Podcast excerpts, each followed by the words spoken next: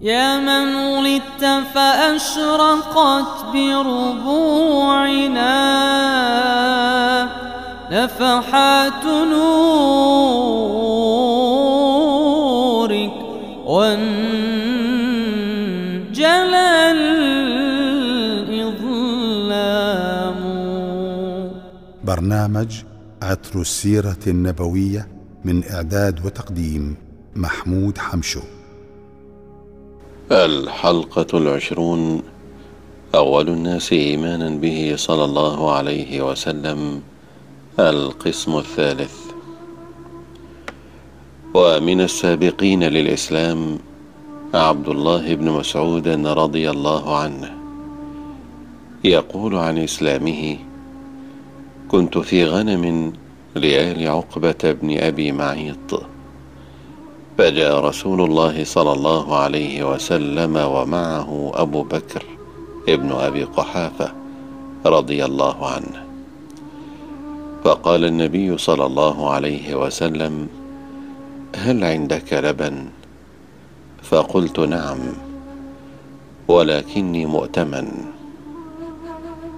فقال صلى الله عليه وسلم هل عندك من شاة؟ لم ينز عليها الفحل. قلت نعم. فأتيته بشاة شصوص لا ضرع لها. فمسح النبي صلى الله عليه وسلم مكان الضرع. فإذا ضرع حافل مملوء لبنا. فأتيت النبي صلى الله عليه وسلم بصخرة منقورة.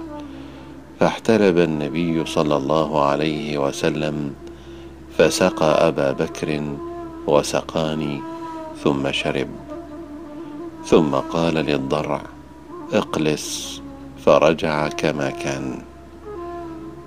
يقول ابن مسعود رضي الله عنه فلما رأيت هذا من رسول الله صلى الله عليه وسلم قلت يا رسول الله علمني.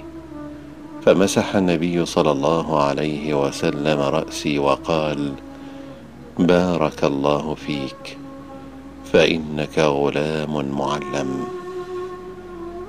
ومن السابقين للإسلام أبا ذر الغفاري رضي الله عنه واسمه جندب ابن جنادة وسبب إسلامه ما حدث به فقال صليت قبل أن ألقى النبي صلى الله عليه وسلم ثلاث سنين.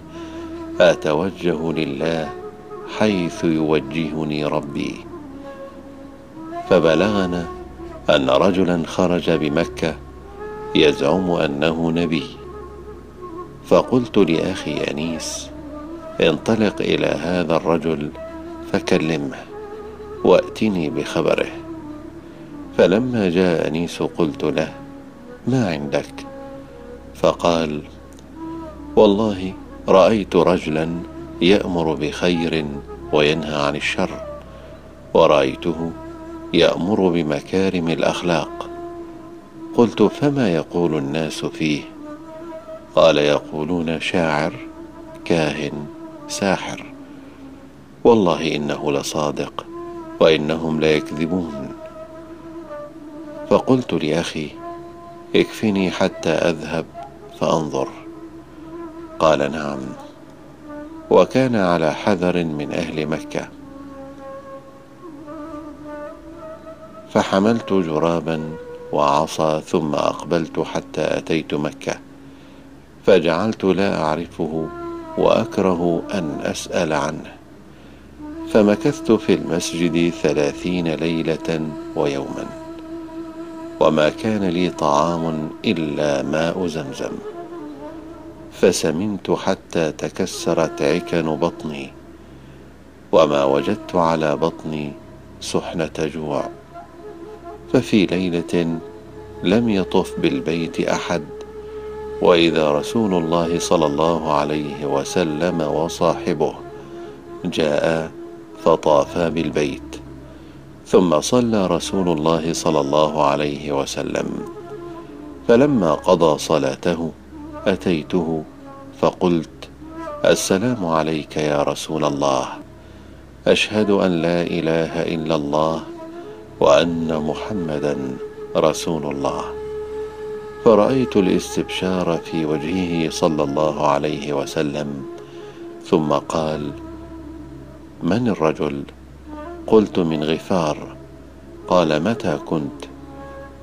قلت كنت من ثلاثين ليلة ويوما هاهنا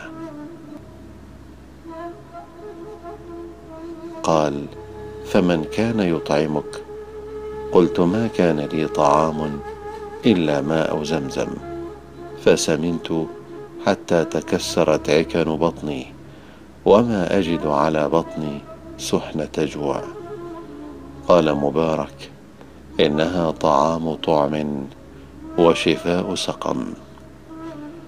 وذكر أن أبا ذر رضي الله عنه أول من حيا رسول الله صلى الله عليه وسلم بتحية الإسلام وبايع رسول الله صلى الله عليه وسلم على الا يأخذه في الله لومة لائم وعلى أن يقول الحق ولو كان مرا. ومن ثم قال رسول الله صلى الله عليه وسلم ما أظلت الخضراء أي السماء ولا أقلت الغبراء أي الأرض أصدق من أبي ذر. وقال صلى الله عليه وسلم في حقه أبو ذر يمشي في الأرض على زهد عيسى بن مريم.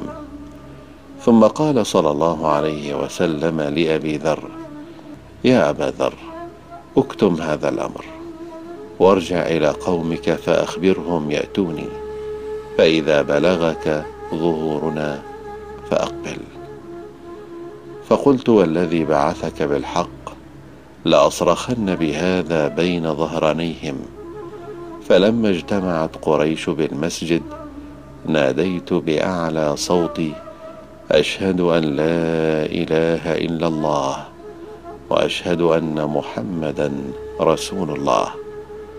فقالوا قوموا إلى هذا الصابئ فمال علي أهل الوادي بكل مدرة وعظم حتى خررت مغشيا عليه فأكب علي العباس رضي الله عنه ثم قال لهم ويلكم ألستم تعلمون أنه من غفار وأن طريق تجارتكم عليهم فخلوا عني.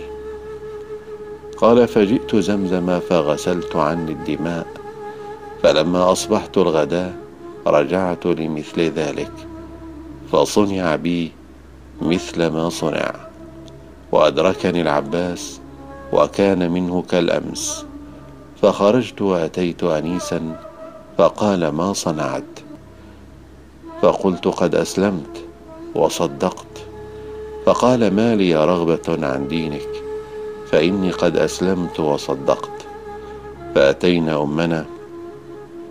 فقالت ما لي رغبة عن دينكما؟ فإني أسلمت وصدقت. ثم أتينا قومنا غفارا فأسلم نصفهم وقال نصفهم إذا قدم رسول الله صلى الله عليه وسلم المدينة أسلمنا.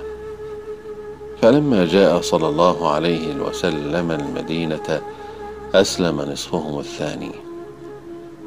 فلما جاءت قبيلة أسلم قالوا يا رسول الله نسلم على الذي أسلم عليه إخواننا. فقال رسول الله صلى الله عليه وسلم غفار غفر الله لها واسلموا سالمها الله. رضي الله عن أصحاب رسول الله وصلى الله على سيدنا محمد وعلى آله وأصحابه أجمعين. برنامج عطر السيرة النبوية من إعداد وتقديم محمود حمشو.